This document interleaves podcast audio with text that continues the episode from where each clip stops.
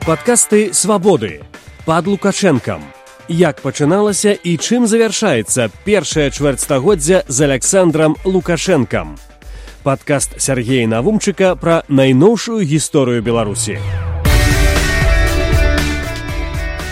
12 верасня 1995 году у небе пад бярозай паводле загаду камандуючага супрацьпаветранай абароны беларусі генерала валерыя кастэнкі быў расстраляны паветраны шар з дзвюмя спартоўцамі грамадзянамі злучаных штатаў амерыкі. Весткі аб смерці атрымалі блізкі 50гадовага элана фрэнкеля і 68гадовага джона сцюарда джервіса.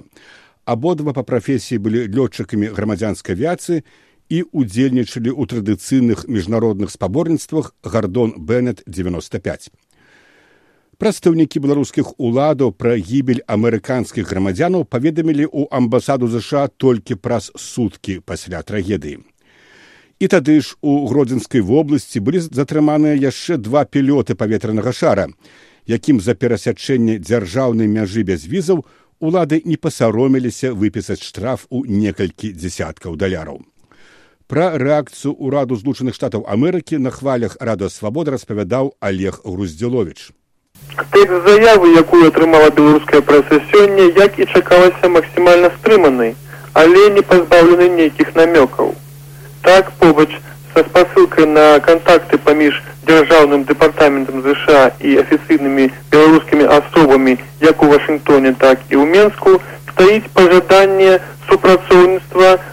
амбасады сша ў менску і забеспячэнне цытую поўнага консульскага доступу. Гэта можна зразумець як пэўную незадавольнасць паўнатою супрацоўніцтва ў мінулым. Калі ўзгадаць што амерыканскі бок ужо выказаўся наконт затрымкі з атрыманнем інфармацыі аб інцыдэнце то можна зрабіць вывод што часткова прэтэнзіі застаюцца. Звярну увагу і на такую цытату. Мы чакаем цытую што камісія правядзе поўную адкрытае і аб'ектыўнае расследаванне абставін якія прывялі да гэтага трагічна інцыдэнту канец цытаты як бачыце выкарыстаны словы мы чакаем замест напрыклад мы упэўненыя сапраўды як бачым амерыканскі бок ужо не авансуе беларускім уладам сваю упэўненасць у аб'ектыўным расследаванні і сапраўды пасля інцыдэнту ў небе пад бярозай і тых невызначаных тлумачэнняў, якія былі пачуты ад нашых уладаў, нешта авансаваць было б дзіўна. Таму відаць нездарма ў гэтай заяве з'яўляецца і такое сцвярджэнне. Цытую швейцарскі аэраклуб арганізатар паветранай рэгаты афіцыйна запрасіў усіх еўразійскіх краінаў у тым ліку і ў беларусі дазволу на пралёт над іх тэрыторыяй цэнтр кіравання паветраным рухам рэспублікі беларусь агульны дазвол даў таким чынам тычыцца мяне то я б гэты документ з дыпламатычнай мовай пераклаў бы на гульна зразумелую прыкладна так. Чтоб беларускія лады не казалі якія б камісіі не стваралі ўжо зразумела што адказнасць за гібель двух амерыканцаў цалкам кладзецца на беларускі бок таксама могу дадаць што гэтак жа думаюць многія грамадзяны нашай краіны якія здарэнне пад бярозай успрынялі не проста як інцыдэнт а як чарговую абразу усяму народу беларусі якія парадкі ў нашай краіны такія і дзеянні яе ўладаў збіццё паветранага шара адразу пачалі параўноўвацца з біццём савецкімі вайскоўцамі паўднёва-карейскага боінга першага верасня 1983 года калі загінулі 269 чалавек. Але ў гутарцы з карэспандэнтам рада свабода галіны айзенштадт першы намеснік міністра замежных спраў беларусі валер цапкала адрынуў такое параўнанне. Нет аналогии тут конечно нет. И нет по причине того что э, там советский летчик и система ПВО знали о том, что в Боинге находятся люди. Здесь же все факты говорят о том, что э, летчик и наши системы не знали о том, что в гондоле находятся люди, и поэтому было отдано распоряжение открыть по ней огонь. Прыкметна, што параўнанне з паўднёва-карэйскім боінгам паставілі пад сумнеў і амерыканскія глядальнікі, але па іншай прычыне. У адрозненне ад савецкага саюза часоў андропава, якое супрацьстаяла з наты злучанымі штатамі, беларусі ніхто і нішто не пагражаў. Вось што гаварыла радыасвабода, падаючы ў тыя дні агляд амерыканскай прэсы. Несправакаваны расстрэл паветранага шару над Беларусю нагадвае збіты карэйскі авіялайнер у верасні 1983 года, піша сёння Нью-Йорк Таймс у рэдакцыйным артыкуле. У абодвух выпадках зацетыя сілы супрацьпаветранай абароны бяздумна забілі цывільных пасажыраў паветраных судоў, не высветліўшы, ці уяўлялі яны небяспеку. У карэйскім боінгу загінулі 269 пасажыраў і члены экіпажу. Аднак атака на паветраны шар у Беларусі, падкрэслівае Нью-Йорк Таймс, не мае нават таго ценю апраўдання, якім Крэмль спрабаваў вытлумачыць збіццё карэйскага лайнеру. Беларусі не пагражае ніякая ваенная небяспека, супраць якой трэба трымаць ваенна-паветраныя сілы на пагатове. У адрозненне ад выпадку з карэйскім самалётам збітым уначы паветраны шар было выдатна відаць. Ён быў абсалютна непадобны на шпіёнскі аб'ект. Апроч таго, пра палёт было загадзя паведамлена беларускім уладам. Як і экіпаж карэйскага авіялайнеру, навігатары шара не адказвалі на радыё выклікі. Але нават калі ён уяўляў пагрозу для ваеннай часткі і ракетнай базы, было відавочна, што вялізны шар, які марудна рухаўся, не ў стане нікуды ўцячы, і яго можна было прызямліць, нават калі не ўдаецца наладзіць сувязь. У рэдакцыйным артыкуле Нью-Йорк Таймс выказваецца меркаванне, што на дзеянні беларускіх вайскоўцаў паўплываў сіндром Матыюса Руста. Прыніжэнне, перажытае савецкімі афіцэрамі супрацьпаветранай абароны, тады, магчыма, сталася прычынай перабольшанай рэакцыі, якая прывяла да безрассуднай атакі. Так заканчваецца рэдакцыйны артыкул Нью-Йорк Таймс. Газета International Herald Tribune змяшчае аналіз падзеяў у Беларусі пад загалоўкам США мяркуюць, што паветраны шар быў збіты наўмысна. У чацвер Белы дом заявіў, што Беларусь магчыма наўмысна збіла паветраны шар.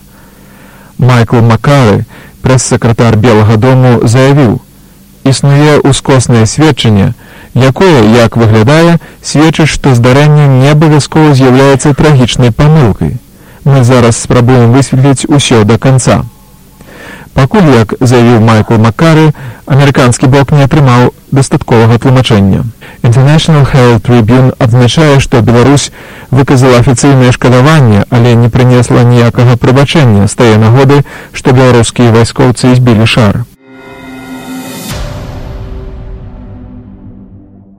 Але вернемся да інтэрв'ю радыёвабода першага намесніка міністра замежных спраў беларусі валерыя цэпкалы.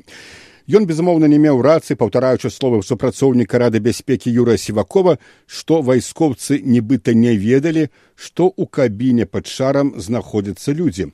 Бо яшчэ вясной девяносто пятого арганізатары спаборніцтва гордан беннет паведамілі ўладам беларусі пра тое што паляцяць паветраныя шары з людзьмі а ў чэрвені цэнтр кіравання паветраным рухам беларусі даў дазвол.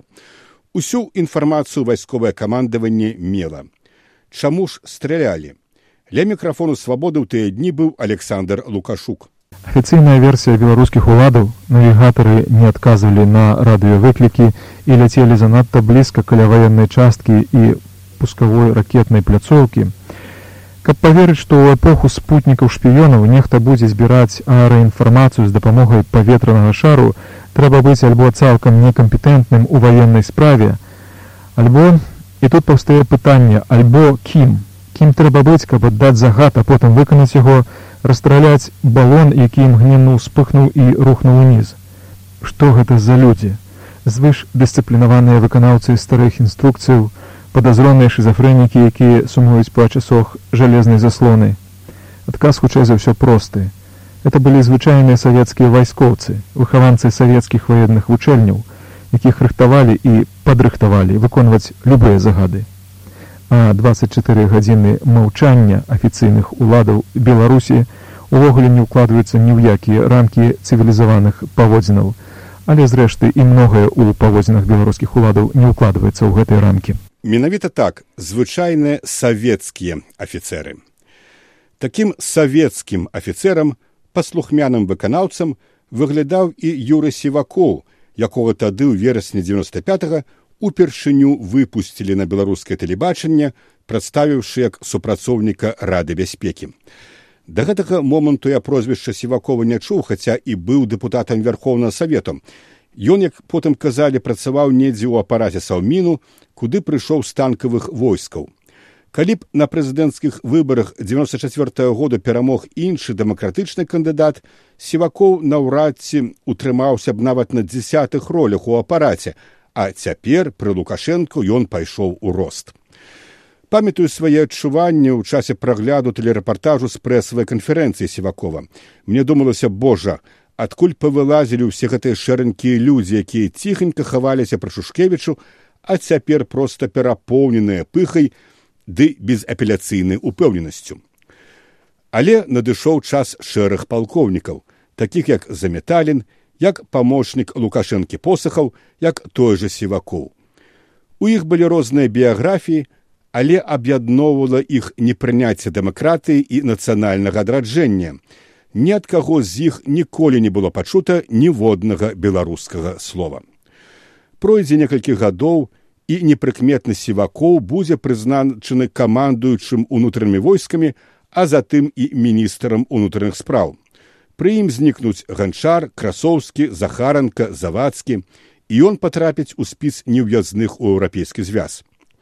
Але пакуль што ў верасні 95 у сівакова дэбют.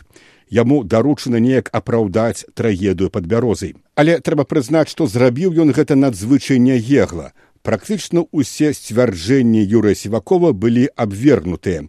І тэлебачанне нават было вымушанае парэзаць некаторыя ягоныя адказы і практычна ўсе пытанні журналістаў.